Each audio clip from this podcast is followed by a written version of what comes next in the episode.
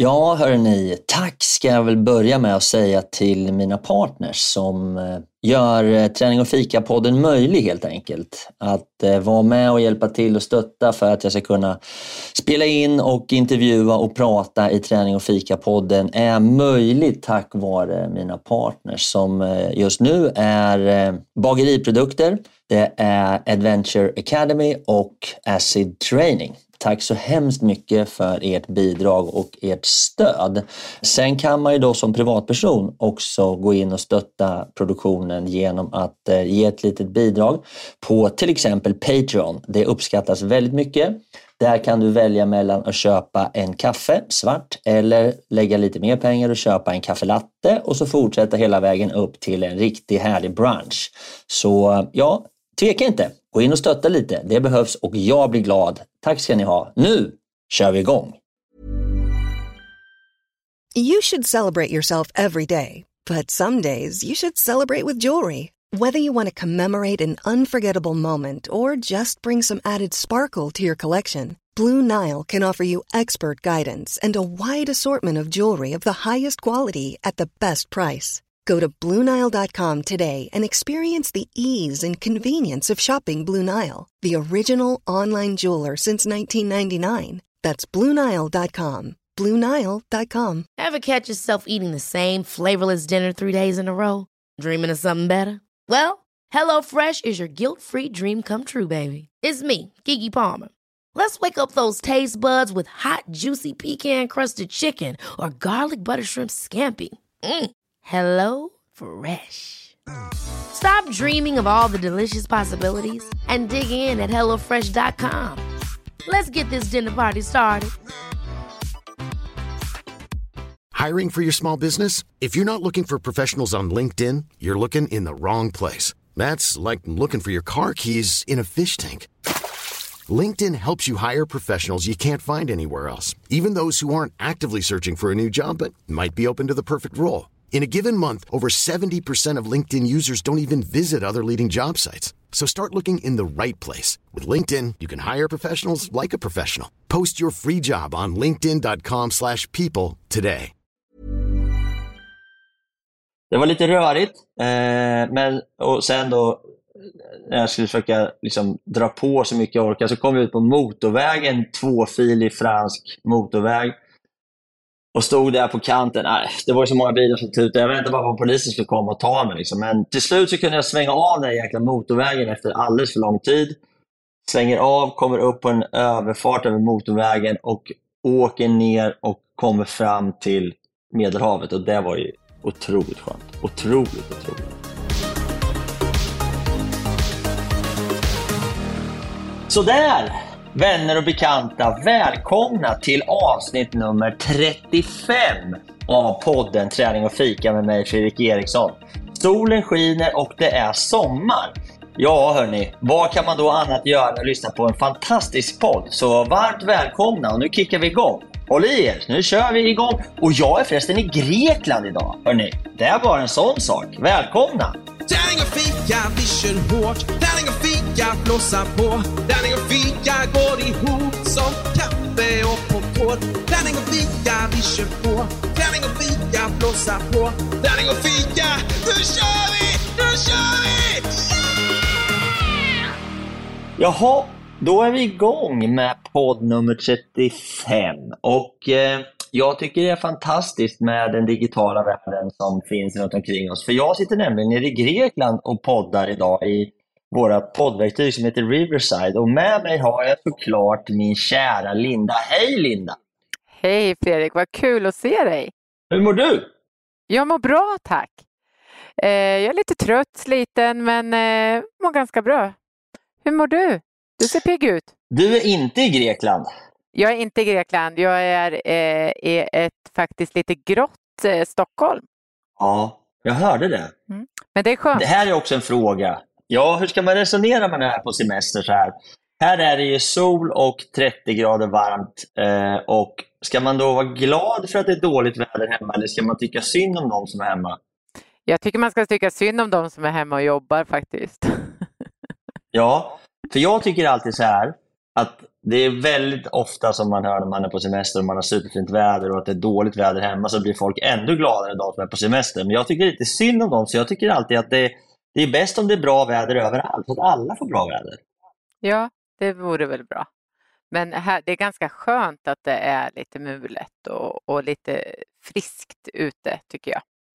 Så att jag lider inte. Men det måste väl ändå ha Nej, men det måste väl ändå ha varit den absolut bästa våren och försommaren och starten på sommaren som någonsin har hänt i Sveriges historia. Det har ju varit galet väder. Helt galet och det känns ju som liksom sommaren nästan är slut fast den är knappt har börjat. Så att det är härligt.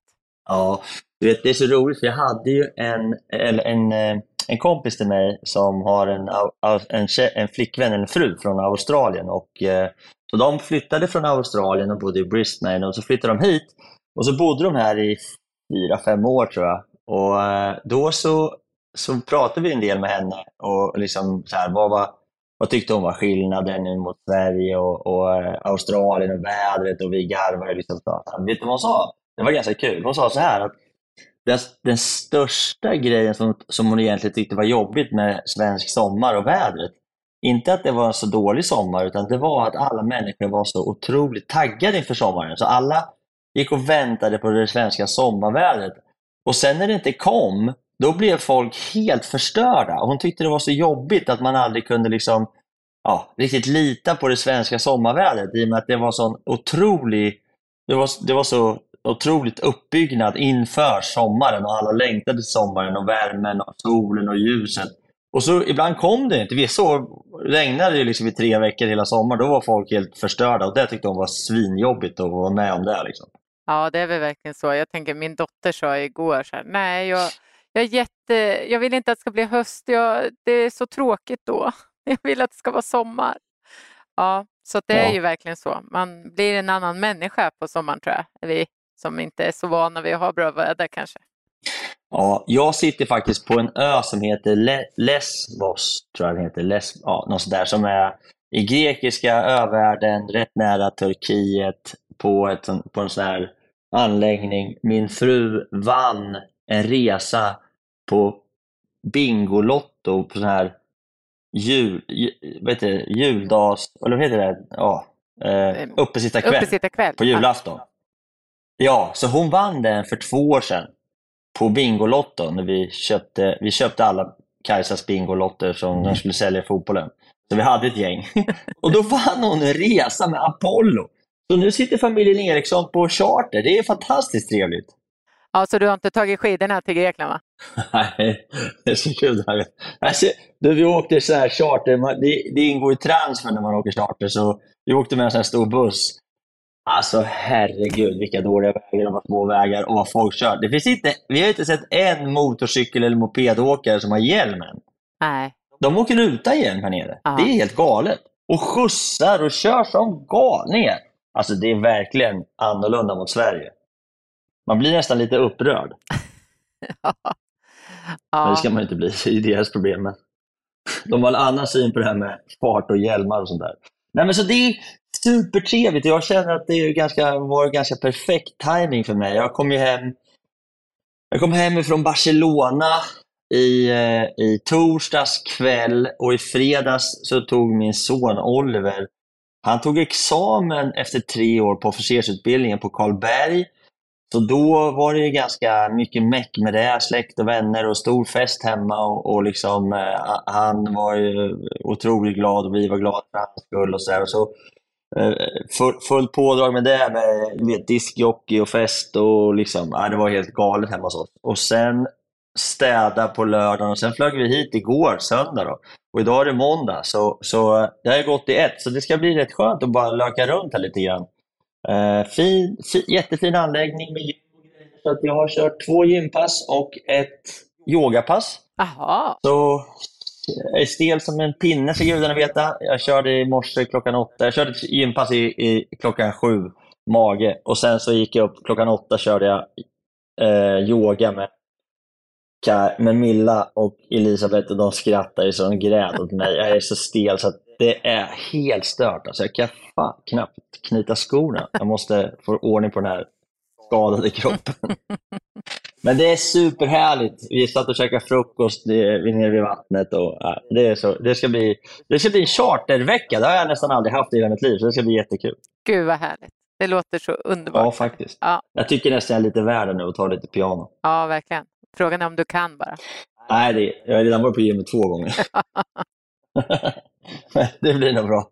Vad heter jag med mig en simgrej så kan jag simma ut i havet också med Oliver. Oliver han är ju så här amfibie, eh, han är fänrik på amfibiebataljon, så han är grym vatten. Han har kört mycket vattenfys så det, det, är lite kul. Så han är bra på att simma och så, här, så det blir kul.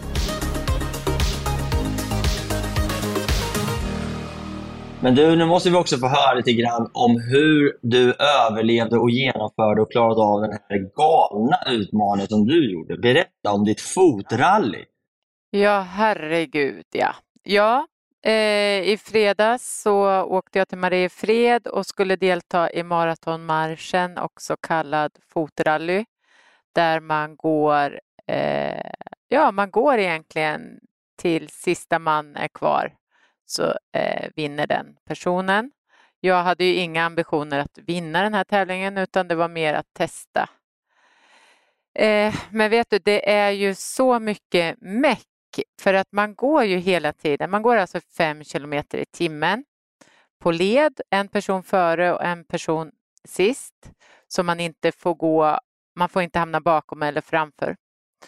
Och eh, man går exakt hela tiden. Så ska du liksom ta ut en sten ur skon måste du springa fram i ledet längst fram och hoppas att du hinner knyta upp skon, ta bort stenen innan sista man kommer tillbaka så du hinner in i ledet. Och sen måste du ta nästa sko och så springer du fram. Lite sådär. Eh, så det är mycket så här meck kring, det var mycket meck kring de grejerna. Att liksom hela tiden vara i rörelse, att hem, ta fram saker från ryggsäck och lite sådana saker.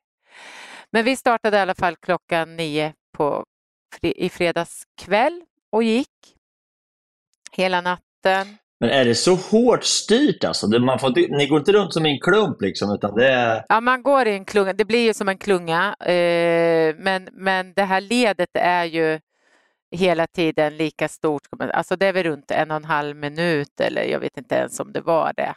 Så att eh, skulle du liksom stanna och göra någonting, smörja in dig eller eh, sätta på dig en tröja, allting skedde ju i rörelse liksom.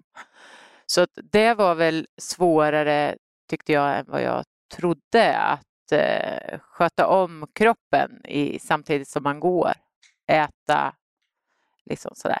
Så att, eh, men eh, vi startade där och, så, och sen var det ju en depåzon och det var ju samma sak där.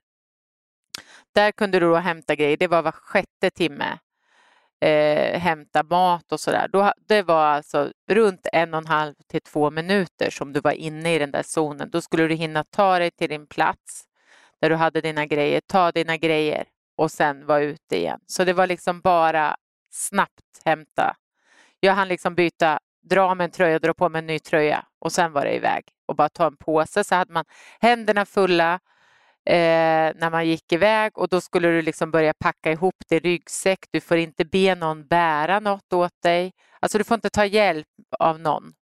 Inte ta emot någonting eller ta hjälp av någon. Det blir ganska stressigt, eller hur? Ja, det var stressigt och det var ju liksom stressigare än vad jag trodde och svårare. Så att det krävs ju lite... Jag känner egentligen att det hade man ju behövt träna på egentligen. Så, lite så hur man skulle, vad skulle man ha för väska, hur ska man tänka? Liksom, du behöver lägga saker, ja. öppna, jag hade någon yoghurt, öppna det, alltså det är så här, och du får ju, blir ju inte av med skräpet för, bara på utvisade platser och så där. Så det var ju lite Jaha, det är så också? Mm.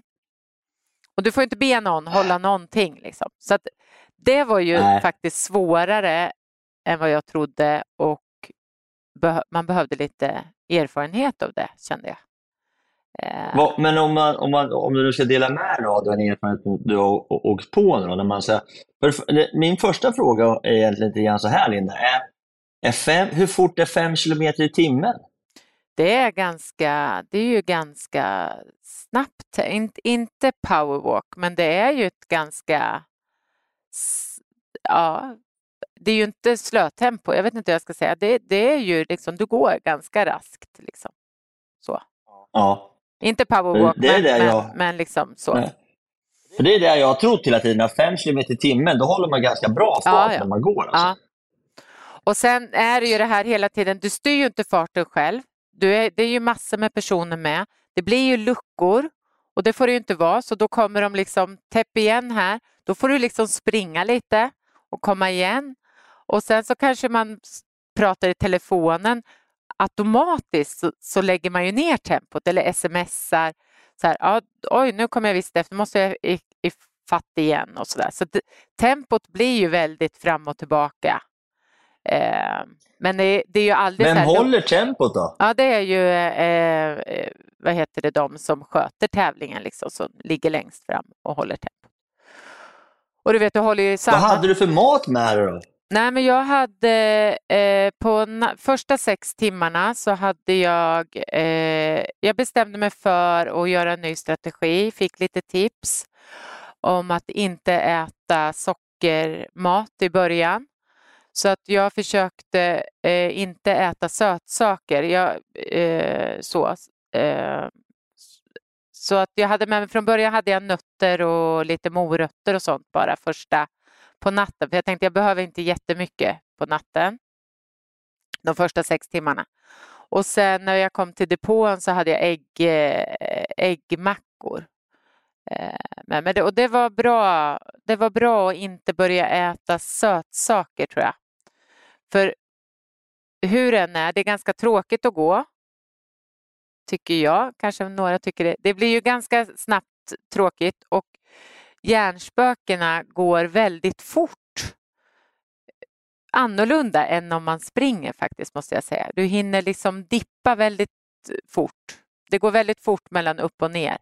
Från att det går bra till att det går dåligt. Och sådär. Och du påverkas av alla som går och pratar runt omkring. Vad pratar alla? Många har gjort det för. Alltså man är så här. Ja, och kroppen säger ju ganska snabbt till att det här är ganska tråkigt och enformigt och gör ganska ont. Så det börjar Vart ganska fick det ont? Ja, det är höfter, eh, höftböjare. Eh, det kom ganska snabbt faktiskt. Och då har jag gått, jag tycker jag liksom så här fyra timmar i skogen med 20 kilos packning. Här var det liksom efter två timmar började jag känna mer än vad jag kanske har gjort när jag gått i skogen, även om jag haft packning. Hade du ryggsäck nu? Ja, jag hade, men inte, ingen tung ryggsäck utan jag hade bara nå, eh, lite så här solskydd och någon extra tröja och, och sådär. Men gick gick, går man och pratar med folk eller hur, hur funkar det då? Ja, men många pratar, många har ju, alltså det verkar ju som, nu är det här min egen analys, men det verkar ju som att man gör ju det här flera gånger. Då var det någon som berättade för mig att ja, men det, det finns två typer av människor. Det finns de som gör det flera gånger eller de som aldrig mer skulle göra det överhuvudtaget. Men så att många har ju gått innan så de känner varandra och har gått kanske flera timmar förut. Så det blir lite som re reunion för dem. Så att de pratar väl, väldigt mycket prat var det första tre timmarna var det väldigt. Sen började det bli mörkt och då var det tyst. Då var det väldigt tyst. Liksom. Eh, Ja. den, det var väl mörkt, en, helmörkt kanske, en timme kanske. Och det var ju det var den tuffaste timmen. Får man ha hörlurar och musik och sånt där? Ja, och prata i telefon kan du göra och sådär. Men det är svårt också jag vet inte, ha hörlurar, jag vet inte. Ja. Jag, jag går ju bara, jag stänger bara av. Hur gick det med fötterna då? Och skor och sådär? Hur funkar det för dig? Eh, för mig gick det, jag kan ju berätta då att jag gick ju nästan 13 timmar. Sen, sen eh, jag hade inte mer i min kropp eh, den här dagen i alla fall. Så att eh, jag hade... Men du hade väl drömt om att gå 24? Mm. Eller hur? Jag hade en liten... Det var målet. Mål, jag hade ju flera mål. Eh, 12 timmar var ju ett och jag hade ju önskat 24 men det hade, jag hade inte det. Den här... eh, Vad hände då? Berätta. Va, va, va, varför klarade du inte 24? Nej, det var, jag vet egentligen inte. Nu var jag, hade jag lite eh, kroppsliga andra saker som vi kvinnor har ibland. Eh, som råkar pricka Hade du in. mens, eller? Ja, precis. Som råkar pricka Ja. in just Det just påverkar nu. prestationsförmågan rätt mycket. Och kroppen eh, tror jag. Jag tror att eh, det påverkar och jag är i den åldern kanske där det påverkar lite extra mycket. Eh, så. Ja. Men eh, det påverkade mycket och eftersom att man inte kan gå, du kan inte gå på toaletten, du svettas lite mer än vanligt. Eh, ja, men mycket såna, sånt skit. Så jag visste väl egentligen innan att eh, jag inte skulle klara 24 timmar. Eh, jag kände det redan faktiskt veckan innan där, eller ja, dagarna innan. Men eh, så det var väl kanske fel.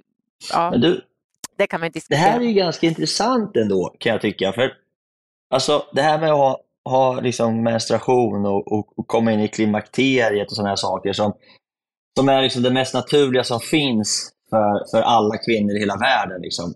Att hur mycket det påverkar prestationsförmågan, det är faktiskt ganska sjukt. Det, det borde ju liksom ligga med i, i, liksom i något, Alltså, det är nästan som doping eller antidoping. Jag vet inte hur man ska hantera det, för jag tycker det blir så himla orättvist när man, om man har svåra, svår mensvärk liksom, och så ska man prestera på ett lopp eller en tävling. Det går ju liksom inte. Nej, det är svårt. Det är helt alltså, det är värdelöst. svårt och man, alltså, kroppen blir annorlunda, man svettas, man, man behöver kanske gå på toaletten lite mer. Alltså, det är mycket sådana eh, konstigheter plus att, att man är ju inte... Eh, det som påverkar mig är nog också att man känner inte... Man svullnar upp i kroppen, det påverkar att man känner sig eh, plufsig, man känner sig tung, man känner sig liksom så här... Ja, det, det, jag har väl inte lidit av det här så mycket förut, men gör det nu då när jag är i den här åldern. Så det var ju lite tråkigt, men eh, så jag hade inte mer, så jag är jättenöjd. Jag gick 13, nästan 13, 12, 57 eller något så här. Det var jättedumt att inte få 13 timmar, men, men Men vad hände när du men bröt? det. Var väl inget dumt? Det där, det där var väl inget dumt? Men du, jag Nej. måste fråga, vad händer när du bryter då? Ja, men då, det var så här, vi hade ju varit i, man var ju i depå då eh, efter sex timmar, 12 timmar var vi i depå och då klev min, min eh, kompis av som var med också. Eh, och jag ska inte säga att det, är på, att det är hans fel att jag klev av, för så var det ju inte, men det är klart att det påverkar lite grann. Sådär, att, att, eh, men jag gick ut igen och hade ju då faktiskt, det kändes som att ja, men det här funkar, så jag gick nästan en timme, men sen kom Sen tog solen mig, tror jag, lite grann och att eh, det här kommer och att det här kommer inte gå, det spelar ingen roll. Och då tyckte jag att nej, men då sparar jag min kropp. Jag, jag kliver av här. Det var liksom ett, ett aktivt beslut. så. Men varför klev han av? Eh, nej, men hans, kro hans kropp och hans fötter sa stopp. Eh, han hade Men dina fötter då, höll de eller? jag, hade, jag har faktiskt inte en blåsa på mina fötter. Eh, Vad hade du för skor då? Jag hade hoka och jag hade smort in eh, fötterna ordentligt med, med så här, ehm, eh, fotskavssalva. Eh, jag hade faktiskt tejpat fötterna eh, efter mycket avvägning, tejp eller inte tejp, för ibland kan tejpen göra att man får blåsor också. Eh, men nu använder jag sån här kinesotejp, heter det det, som jag tycker funkar jättebra. Den är lätt att ta av om man vill ta bort den och den eh, korvar inte ihop sig. Eh, så jag har inte en blåsa, så jag har mina fötter är hela. En eller två par strumpor? Ett par strumpor, två strumpor.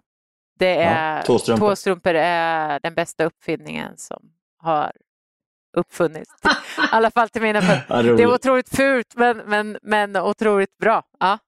Så att eh, om Ja. man har skav liksom under tårna eller mellan tår och sådär så är ju tåstrumpor eh, perfekt.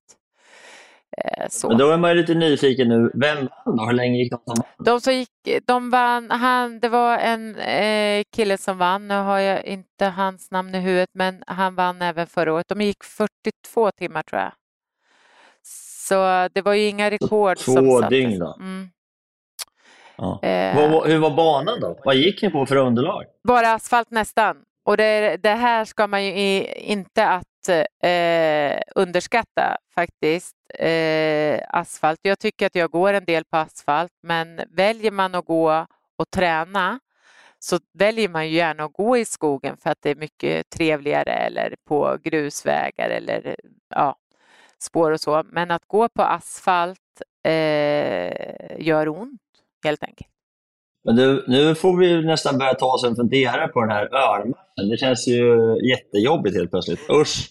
Ja, Hur ska vi klara det? Jag vet inte. Men jag, hade som, alltså jag gick ju nästan sju mil då, så på mina tolv timmar. Så hade jag gått en timme till hade jag fått ihop sju mil, så jag gick väl sex och en halv mil tror jag, ungefär.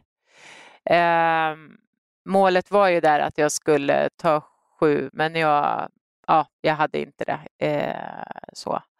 Men eh, ja, samtidigt får vi inte glömma, häst, alltså jag tror det här som ultralöpare så är ju min styrka och jag tror även, även som du, vår styrka är ju när vi vilar, att vi har snabb återhämtning. Den, det får vi ju inte användning av på maratonmarschen eftersom att man aldrig stannar. Så att den här snabba återhämtningen får du inte alls. Nej. Eh. Nej. Ja, det här får jag lite ångest över, eh, att vi ska köra det här i september. Min son sa idag på frukosten också att han frågade om jag ville hänga med och gå den matchen som finns i Holland som heter Nimarschen och sådär, Nihemil. Det är en sån här fyra dagars marsch som man går som är ganska tuff tydligen, som militärer ofta går. Ja, sa jag, för fan, det låter ju skitkul. När det här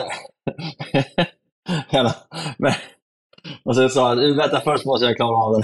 Först måste jag klara den här ölmarschen med Linda i september. Han bara, men, att, nej, men, äh, ja, ja, men det, alltså det otroligt kul. Jag har redan bestämt att jag ska ge det en chans till nästa år. Så att något, även om det var tråkigt och jag sa att det här att gå är ingenting för mig, sa jag när jag kom hem. Men eh, sen igår så säger min man, ja men det här är något, för mig. Ja, ja, men då kör vi nästa år. Så då har vi bestämt det. Underbart. Det är skitbra. Det får väl jag hänga med också. Ja, men det är, alltså, det är ju en eh, kul ja. utmaning som jag, man ska inte underskatta det här att gå verkligen. Alltså det är de här som går så otroligt Eh, länge och som gick 24 timmar, det var väldigt många som gick 24 timmar i år. Eh, de ska ha en stor eloge alltså. Så är det. Men jag, tycker du var, jag tycker du var jätteduktig Linda. Och, och dessutom så är det så att vi har ju stoppat in en hel del erfarenhet på erfarenhetskontot inför vår utmaning i september och det är också väldigt bra. Så att, eh, Jaha, då tar vi och eh, avslutar vår lilla promenaddiskussion eh, här och hoppar in i äventyret genom Europa tänkte jag. Vad säger du om det? Det blir ju toppen. Ja, men då hade vi väl kommit till avslutningssnacket och sammanfattningen och sista delen av mitt äventyr på rullskidor genom Europa. Och eh, Linda, jag tänkte väl lämna över taktpinnen till dig. Du har ju, brukar, eller du har, det vet jag, men du brukar också ha ett gäng intelligenta och intressanta frågor som gör att jag måste tänka efter och känna efter och fundera och berätta lite grann så att vi kan dela med oss lite grann av vad som vad jag har upplevt, vad som har hänt och hur Europa ser ut och mår och sådär. Nu har vi då kommit eh, nästan i slutklämmen ner till, till franska kusten och sen in i Spanien och till Barcelona tänkte jag idag va? Mm, absolut, och det här är ju otroligt spännande tycker jag att få höra. Se om du kommer ihåg nu så här efteråt hur det var då. Men eh, ja. vi pratade ju sist eh, om hur du hade haft det i Djurabergen och lite sådär. Så att jag tror att vi är inne på när du kom till, nu kan inte jag franska så jag ber om ursäkt innan här, Avignon kanske du var eh, där någonstans när vi slutade. Ja, det, det stämmer nog ganska bra. Ja. Jag, ja, jag tog mig då Eh, hade lämnat av filmkillen Johan där uppe i Djuraberget. Sen hade jag väl kört ett par dagar själv eh, och eh, kom då en kväll fram till den här staden Avignon. Precis ja. Avignon är ju en liten annorlunda stad. För det första kan man tycka att det här namnet ah, Avignon är ett, eh, det är ett kul namn. Det ser fint ut och det känns som att det är så här det är med en massa riddarhistorier och korsfarare. Och, och, så det finns en väldigt lång tradition. så jag hade faktiskt ganska så här, lite ja, förväntningar för att, att, komma fram till den här, till den här staden. Och jag har för mig att jag, det var en ganska lång dag som jag åkte där jag till slut och kom, kom fram till den här staden och över en av broarna till staden och så liksom, du vet, då tornar det upp sig eh, alltså borgar och tinder, torn och, och vallgravar och liksom eh, eh, så här, borggård, alltså mur runt hela staden. Det är helt magiskt faktiskt att komma, komma inåkande där eh, över de här broarna och försöka liksom då ta sig in i ringmuren och, och ta sig igenom in i den här staden. Och, nej, det, var, det var jättehärligt. Så jag liksom bodde precis på ett, i ett sunkigt hotell precis utanför ringmuren. Så jag, även fast jag var rätt trött så liksom upp på det här, checka in där och sen lämna på grejerna på det här hotell slash bed and breakfast. Så jag liksom tog på mig mina vanliga kläder och så gick jag in i stan för att jag ville se hur det såg ut och så kom jag då efter mycket om och men så kom jag in i den här stadskärnan i den här fantastiska gamla stan och där tornade det upp sig då liksom en stor, stor katedral, stor torg, eh, massa stora fina gamla hus och sen så kunde man fortsätta upp mot kyrkan. Då kunde man gå en slingrig väg. Så kom man upp på liksom en en park som låg liksom med utsikt över ja, stan och hela å, eller det, Rönfloden var som gick förbi där. Så kunde man stå ganska högt. Det var ganska jobbigt att ta sig upp det, men när de väl kom upp så var det fantastiskt fint. Så att, nej, jag fick en otroligt fin bild av och en, en kväll där jag käkade middag med ensamhet då på, i, i Avignon. Men det var jätte, jättetrevligt. Jag var väldigt glad att jag fick komma dit och tillbringa ett par timmar på kvällen och, och sådär. Och då gjorde jag också så att jag helt enkelt gick in på, på ett apotek där och köpte massa olika medikamenter. För då, det, det var då egentligen då jag, den dagen jag började känna av att jag var riktigt sliten faktiskt. Så att, eh, det var skavsårstejper, det var krämer, det var smärtstillande, det var, det var alla möjliga medikamenter som jag helt enkelt bara kände att jag måste börja förbereda. Jag hade liksom skavsår överallt faktiskt. Så, så, och då, det började också bli väldigt varmt så att eh, kropp, jag svettades och det rann salter. Och, jag, var rätt, jag var rätt sliten där. Liksom, så att, eh, sen hade jag dessutom då en, en ganska tuff dag nästa dag så att jag liksom skulle ta mig ner mot Medelhavet. Där, så att, det, men Avignon var, var verkligen värt en, en omväg och värt ett besök. Det var en riktigt fin gammal medeltida stad. Men är det en stor stad? Är det, är det en stor stad eller är det... Alltså jag har svårt att bedöma det här riktigt. Jag kan väl tänka mig att den är relativt stor. Eh, men själva stadskärnan där jag var inne, det gick ju liksom en stor mur. Det var som att gå in i ringmuren i Visby. Det var en sån stor mur liksom med tinnar och torn och liksom allt möjligt sånt där runt omkring. Då. Så, så jag bodde precis utanför den, men på morgonen så, så gick jag upp tidigt. Jag sket i frukosten för jag hade rätt långt att åka nästa dag för att ta mig ner till kusten.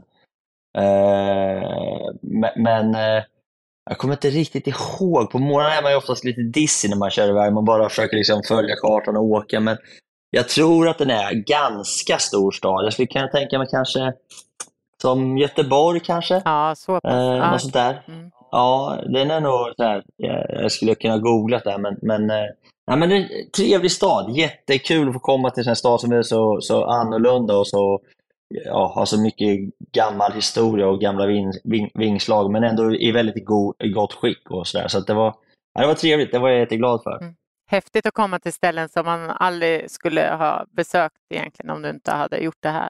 Det är coolt. Nej, och det, var ju, det är lite grann av erfarenheten och sammanslagningen av hela den här resan, just den här möjligheten att åka så här långsamt och komma till konstiga ställen som man aldrig skulle ha stannat eller besökt eller åkt förbi eh, om, man, om man inte åkte rullskidor, knappt ens på cykel. Så, Nej, men alltså, så, så det är ju verkligen en av de stora takeaways. Och, och det var ju det som var målet också när jag, när jag gav mig ut på rullskidor och verkligen få göra de här åka till sådana här ställen och åka i den här miljön som är väldigt annorlunda mot Sverige. Mm. Ja, häftigt. Ja, men sen då? Sen kom du ner till Medelhavet. Det måste ju varit liksom ganska coolt och, och liksom när du ser Medelhavet sen. För sen kom du dit, eller hur? Efter det här. Ja, jag började nästan gråta då när jag kom dit. Det kändes som att jag hade, jag hade i princip då åkt ifrån ett hav, Östersjön, då, till nästa hav, Medelhavet.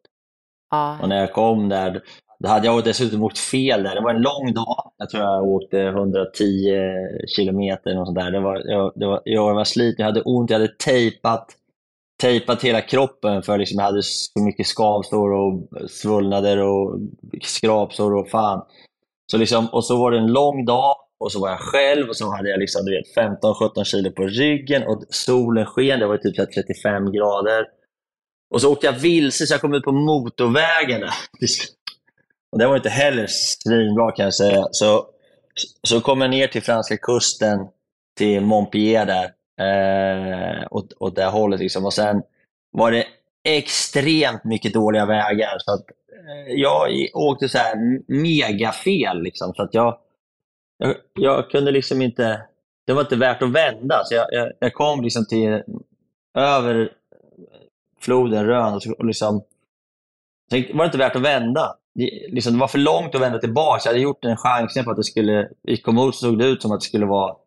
Men då var det grusvägar och då kom jag till de här, till de här hästarna. Jag vet inte om du har hört talas om de här vita hästarna som är nere på ett speciellt ställe.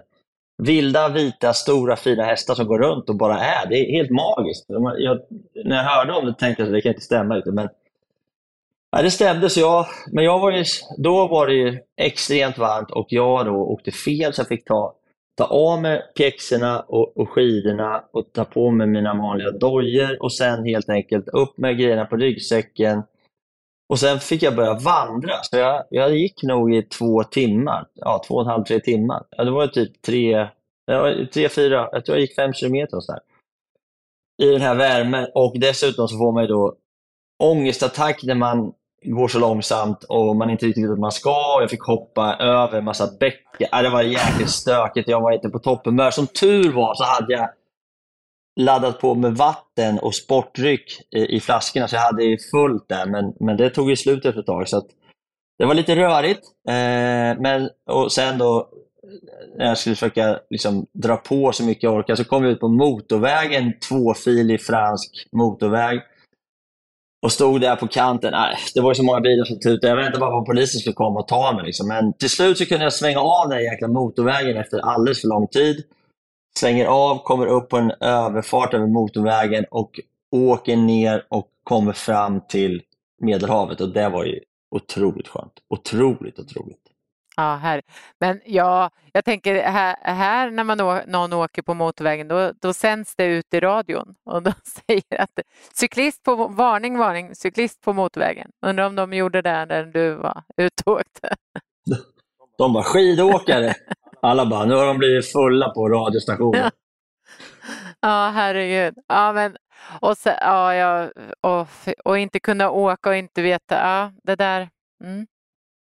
Eh, och då var jag också ganska trött, ska gudarna veta. Liksom. Och så kom jag, till, då kom jag ner till stranden där och sen var det ganska... Och då hade det börjat blåsa motvind såklart. Jag hade motvind sista två milen ut efter stranden för att liksom ta mig till det jäkla hotellet. Ja, ja. Sen så till slut så får jag checka in på det där sunkiga hotellet. Och sen då är det fortfarande så liksom mycket att göra. Så jag har liksom en tuff dag till för att ta mig över spanska gränsen och komma in i Pyrenéerna. Så det, nästa dag var det samma sak. Jag sket i frukosten, stod på skidorna klockan sex på morgonen och hade liksom en lång tuff dag framför mig. Men då hade det slutat blåsa. Så det var ju fantastiskt skönt att komma upp på morgonen där och titta ut över havet, sätta på sig skidorna och sen... Och då åkte jag förbi en sån här tjuvfäktningsarena, den första som jag åkte förbi. Liksom. Och då blir man också lite fundersam. Liksom. De håller på med tjuvfäktning på riktigt. Man blir så här... Fan. Jag tror inte det finns. Är det medeltiden där? alltså det är så här, jag mår illa Jag var tvungen att stanna och kolla. Är det på riktigt? Liksom? Och det här var en tjurfäktningsarena med liksom, ja, tjurfäktningsturneringar. Ja, det är rätt mycket djurplågeri kan jag tycka över det här, men det, det är ett andra länder och andra traditioner. Man, man blir lite illa berörd. Så jag, jag klättrade över staketet och kollade in och tittade mig omkring på det där stället, för jag tyckte att det var så konstigt. Liksom. Ja. Men jag tänker, den här tiden var du ganska trött, va? eller hur? ja, jag var jättetrött. Jag, hade, jag, hade, jag gjorde faktiskt... Jag, jag, under tiden så har jag fått massa frågor från många på sociala medier om hur kroppen mår och hur jag känner mig. Så jag gjorde, jag gjorde en lista, såg du den? Ja, jag såg den. På alla mina... så jag tänkte ja, men nu ska jag sätta mig och göra en lista uppifrån och ner. Och den listan blev ju nästan löjlig. Jag börjar liksom med att jag berättar att jag är, jag är trött i ögonen. Även om jag har grymma solglasögon hela dagarna så är det sjukt starkt ljus. Och Sen fortsätter jag liksom med nacken, axlarna, höger axel, vänster axel. Ja, du vet. Armhåren, skulderna, ländryggen, armbågarna, handleder, händer. Ja, rumpan, vaderna, vänster knä, tårna. Dessutom när jag hade skrivit det här, precis hade jag tappat tånageln på vänster stortå. Ja, men du vet, fan, det var ju bara... Den listan är så lång så det var ju ett skämt för fan. Det hade varit lättare, jag så... tänkte när jag läste det hade varit lättare att säga, berätta om det fanns någonting i kroppen som var helt. Det var så. Ja, men ett tag så kändes det verkligen som att hela kroppen var nere, liksom, nere för räkning och under attack. Och, och jag, jag gick verkligen på hörntänder. Så det var, Ja, men det, det jobbigaste var nog egentligen axlarna. Eh, att jag fick så ont i båda ax framsidan på axlarna. Eh, jag har ju artros i båda axlarna. Så det gjorde jävligt ont där ett tag, så jag kunde liksom inte sova på någon sida. Jag kunde sova på rygg och det kan jag inte. Så jag låg där liksom. så när jag tittade på min Garmin-klocka så hade jag ett par dagar så snittade jag tre, tre timmars sömn. Liksom.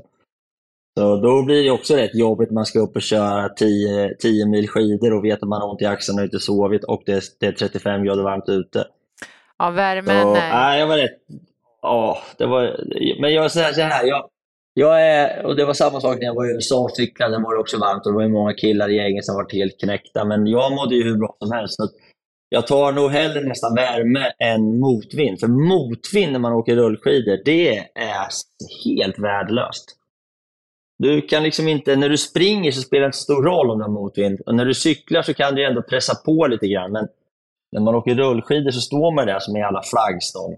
Och stavarna, vet, om det kommer motvind från sidan, då åker stavarna snett. Så då måste man liksom korrigera varje stavtag så att man inte sätter stavarna... Nej, det är så mycket stök när det är motvind på rullskidor så det är verkligen helt värdelöst.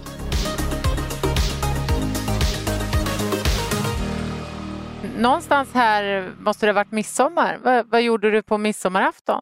Ja, det var ju också lite deprimerande om jag ska vara ärlig. Fan! Och vet du vad? Nej. Förutom att det då är midsommar och alla hemma i Sverige skrev midsommarönskningar och skickade massa kort och hade det härligt liksom, så firade jag då bröllopsdag med min fru. Vi gifte oss på midsommarafton för 23 år sedan. Så liksom, jag bara, grattis, grattis, vad kul, hej och liksom, bara, vad gör du? Bara, jag sitter och dricker Coca-Cola. Att, nej, det där var helt värdelöst. Det var total misär. Eh, men det visste jag och, och jag hade också bestämt mig för att bara slå bort midsommarafton.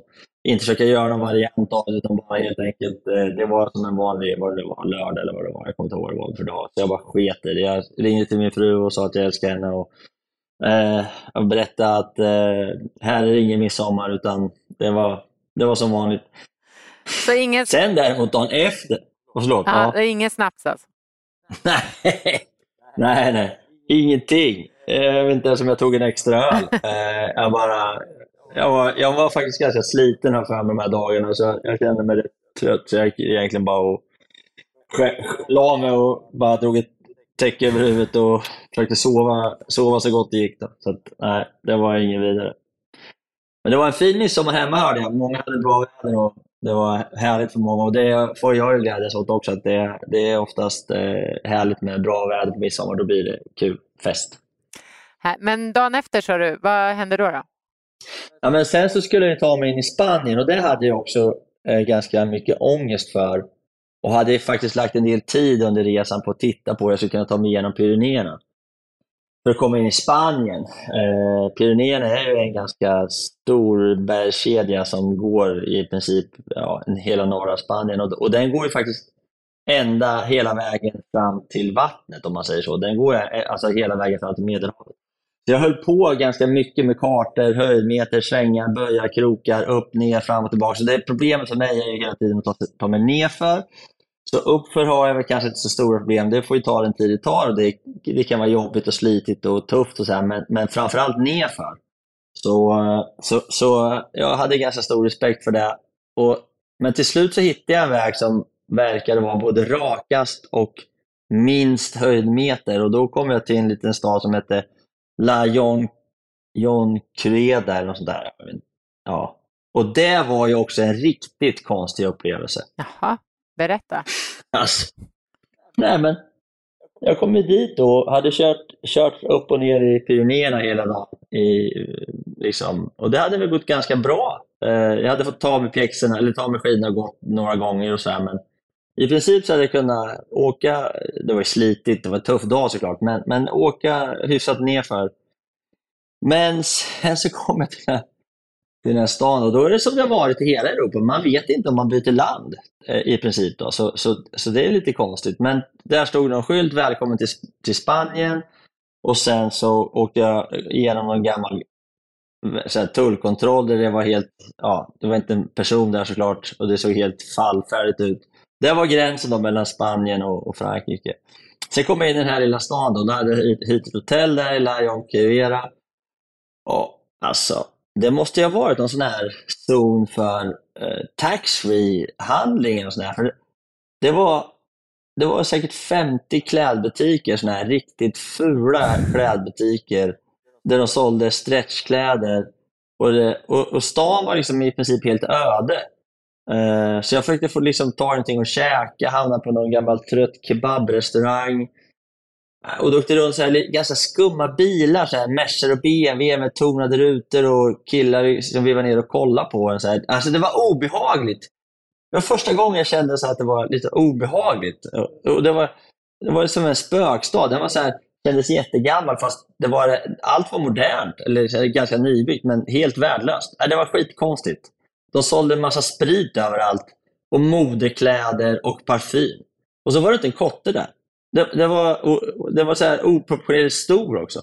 Ja, det var jävligt skumt i alla fall. Så där tillbringade jag en natt åt en riktigt sunkig middag och sen bara, ja, jag måste härifrån. Så då fortsatte jag ner genom Pyrenéerna och tog mig ut och, och, kom ut liksom in i Spanien och åkte mot Girona.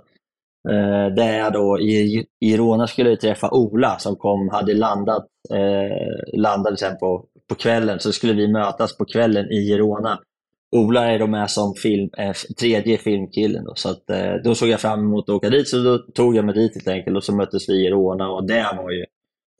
Råna var ju svintrevligt, det kan jag verkligen, verkligen rekommendera. Så mysig stad. Lite påminner lite om Avignon faktiskt. Eh, de har ju enorma kyrkor i Europa. Alltså det, det är så här. Jag, hade ju, jag fotade, när jag åkte genom Sverige så fotograferade jag ju tre kyrkor om dagen i Sverige i snitt under 28 dagar. Men här i Europa, då kan jag säga så här att kyrkorna är så stora, så vill man ta en kyrka från Avignon eller Girona eller i princip vilken liten stad som jag kom igenom överhuvudtaget så skulle den vara en av Stockholms största kyrkor. Det är så stora grejer, alltså det är så enorma grejer och det är så fint. Jag går nästan alltid in i kyrkor, jag tycker det är så härligt med kyrkor. Och det är så fint. De har så mycket grejer och det är så påkostat som man fattar illa baklänges när man går in i de här kyrkorna. Så, så eh, nej, och dessutom är det oftast ganska mycket folk i kyrkan här. Det är många som tittar på det, det är många som sitter och, och liksom är i kyrkan. Det är det inte i Sverige, så de är oftast tomma. Så, så, så kom jag till Girona och då var det, då var då var det allting super, superbra. Då kunde jag liksom ha support med vatten och vägvisning och vi liksom det som händer så fort både ni Gunnar och Johan och, och Ola kommer som ska filma. Jo, Gunnar var ju med i Danmark och Ola, eller Johan kom ju när vi körde, när jag körde i Frankrike uppe i Djurabergen. Och Ola kom på slutet när jag skulle gå i mål. Då. Men, men det som händer är att de vill göra en massa specialgrejer. De ska fota och filma, så gör om och åk ner och upp och fram. Man bara, ah, jag orkar liksom inte. Du vet, jag har åkt den här backen en gång. Ja, men ta den en gång till, jag ska springa bredvid med drönaren. Man bara, ja visst liksom. Så så det blir lite stök i samband med att vi ska producera den här filmen. Men, men eh, nej, sen så, så vi hade en skittrevlig kväll i Girona och sen så hade vi en dag till när vi bodde i en liten håla som var helt värdelös. Och sen så gick jag i mål i, i Barcelona och kom inåkande i Barcelona. Det hade jag också lite ångest för. Jag skulle ta mig in genom fram och eh, liksom gå i mål i Barcelona.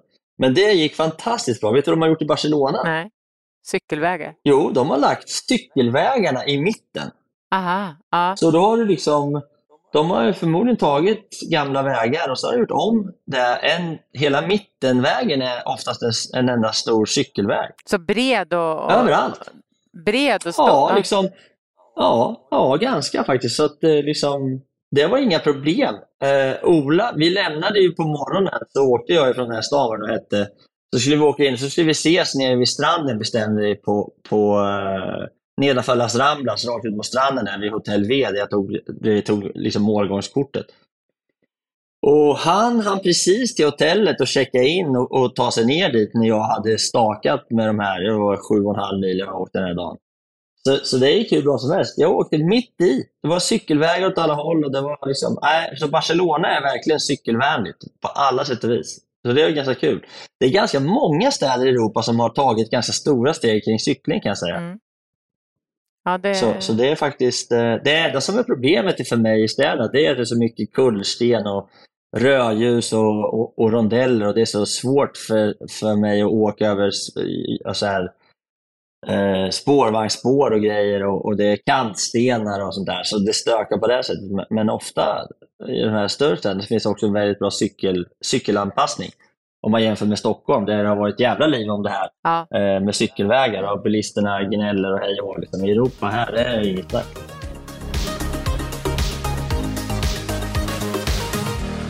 När du eh, åker in i Barcelona då, du måste ju, hur känns det egentligen? Du måste ju förklara här det var ju, det var ju verkligen skönt att få gå i mål, eh, om jag säger så. Jag, jag var ju ganska färdig då, när man har ett sådär tydligt målgång. Och, eh, vi hade en tydlig målplats också på baksidan av det här Hotel W som vi hade nere vid stranden, som kändes liksom att det var slutpunkten. Och då, ja, men där någonstans kan man väl inse, liksom, om man ska liksom summera det, så kan man väl säga så här, ja, men Europa är ju ganska stort, det kan man konstatera.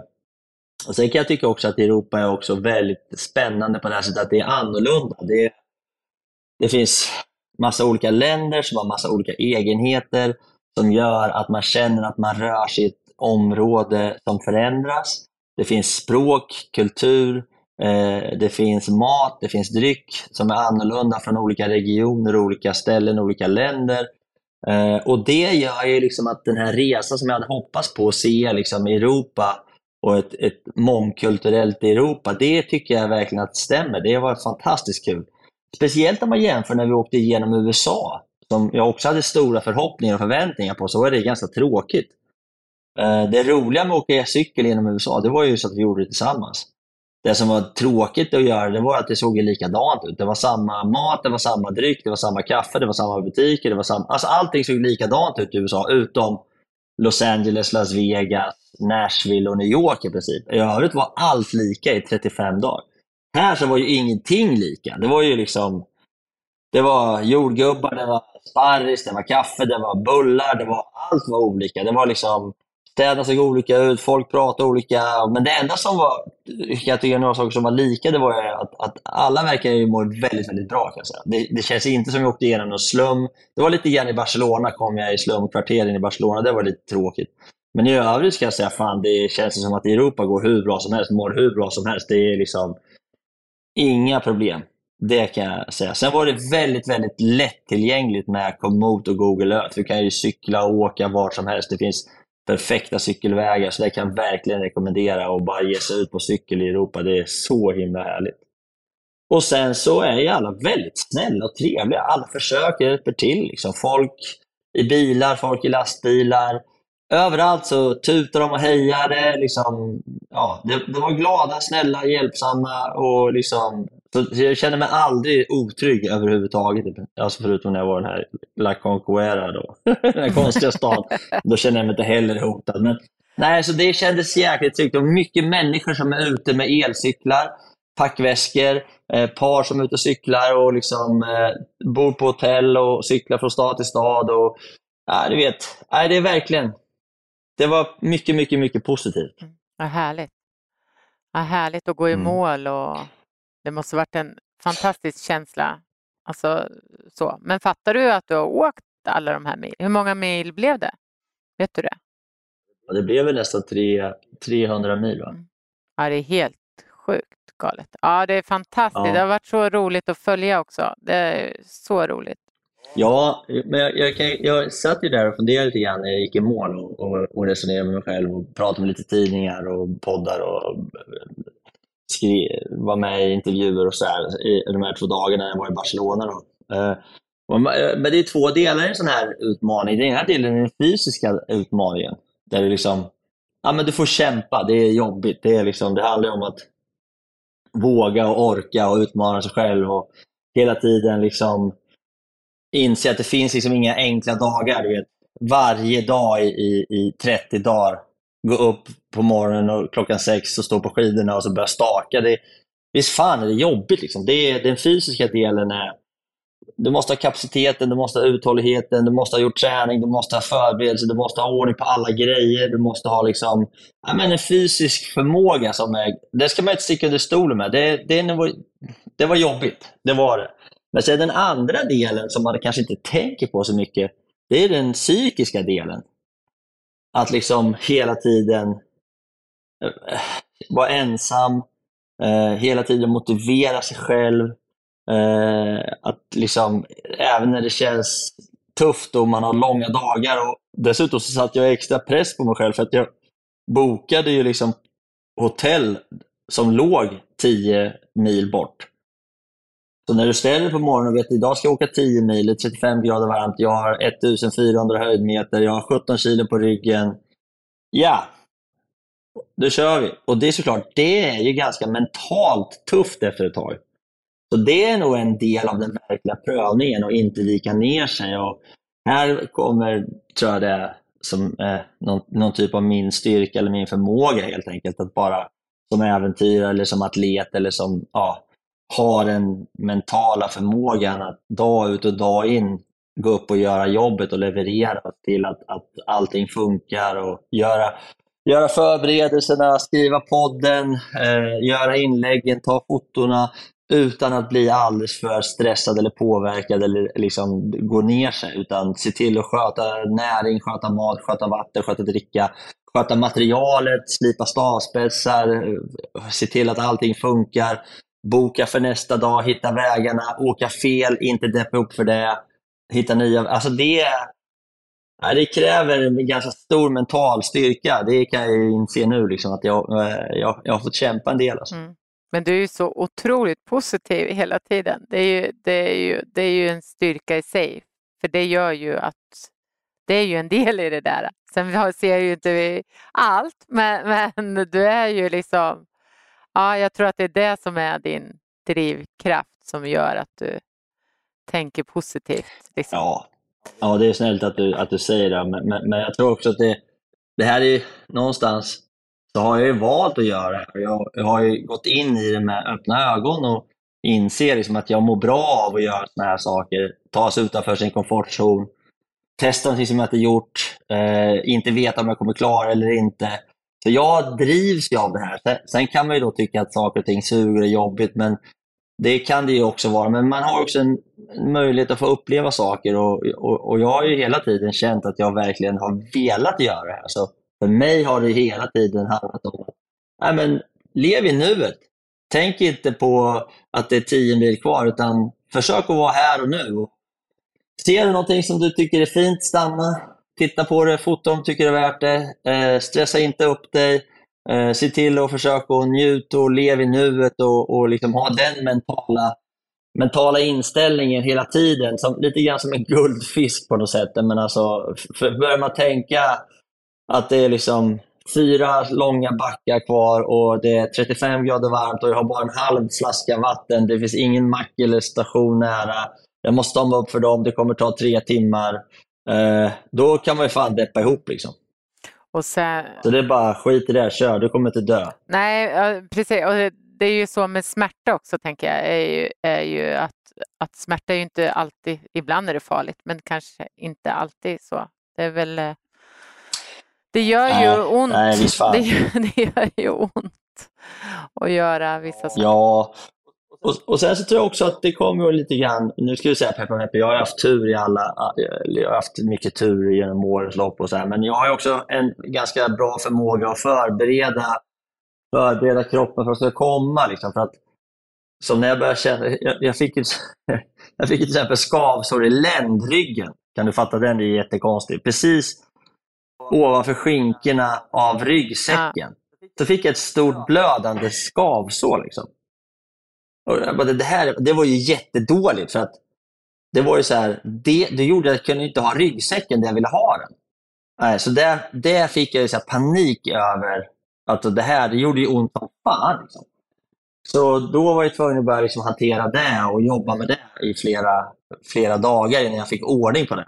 Men det hade kunnat sluta dåligt om jag hade haft otur, liksom, att jag inte kunnat få med ryggsäcken. Jag kan inte åka med ryggsäcken på magen. Liksom. Nej. Nej, och det där är ju så knepigt med, för man, man är ju miljöer, det, blir, det kommer smuts, det kommer liksom, ja, kan bli infekterat och göra ja, ja, att man mår dåligt, eh, ja, men får feber och skit. Det är mycket sånt också. Ja. Nej, jag är, hur som helst Linda, om man ska sammanfatta det här så är jag väldigt glad och tacksam att jag fått gjort det.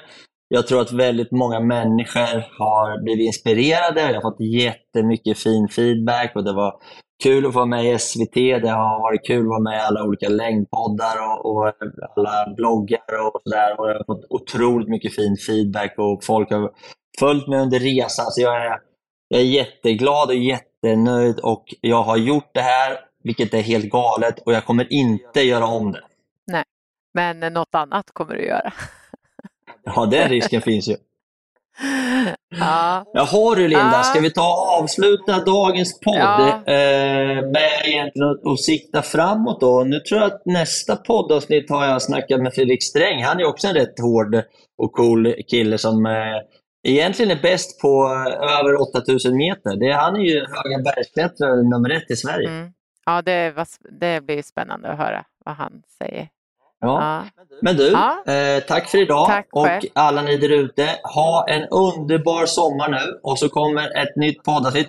Vi har ju tänkt att köra på under sommaren, eller hur Linda? ja, men precis. Det kommer avsnitt varje vecka som vanligt. Varje tisdag. Jajamän. Kram på er och kram till dig Linda. Detsamma. Vi hörs snart igen. Det. Ha det bra. Hej, hej!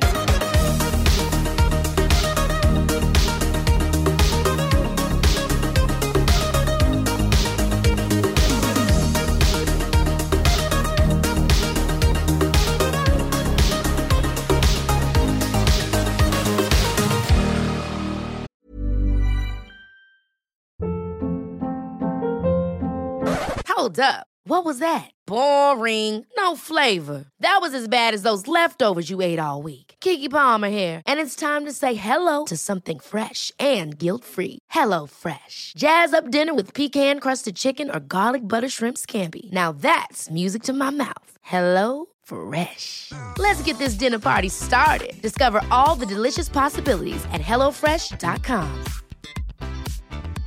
Hey, it's Paige DeSorbo from Giggly Squad. High quality fashion without the price tag. Say hello to Quince.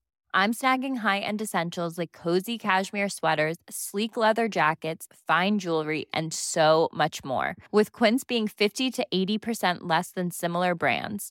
And they partner with factories that prioritize safe, ethical, and responsible manufacturing. I love that. Luxury quality within reach. Go to quince.com slash style to get free shipping and 365 day returns on your next order.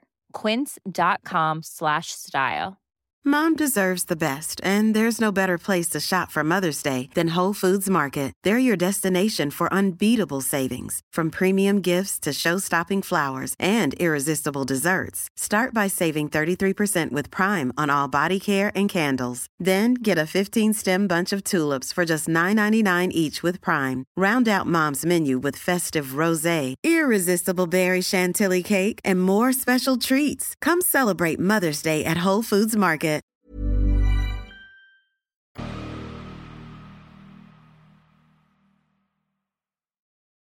Det var allt för den här gången hörrni. Och jag tänkte avsluta lite kort med att återigen tacka mina fantastiska partners och sponsorer som är Bageriprodukter, Acid Training och Adventure Academy. Och eh, återigen, har du en krona över eller är helt enkelt sugen på att bjuda på en kaffekopp så gå in på min Patreon och eh, köp en kaffe, en kaffelatte eller en hel brunch så eh, kan jag fortsätta spela in podden, producera nya härliga avsnitt och eh, fortsätta att underhålla dig. Hoppas du har haft en fin lyssning och att vi snart hörs igen. Tack så mycket. Hej då!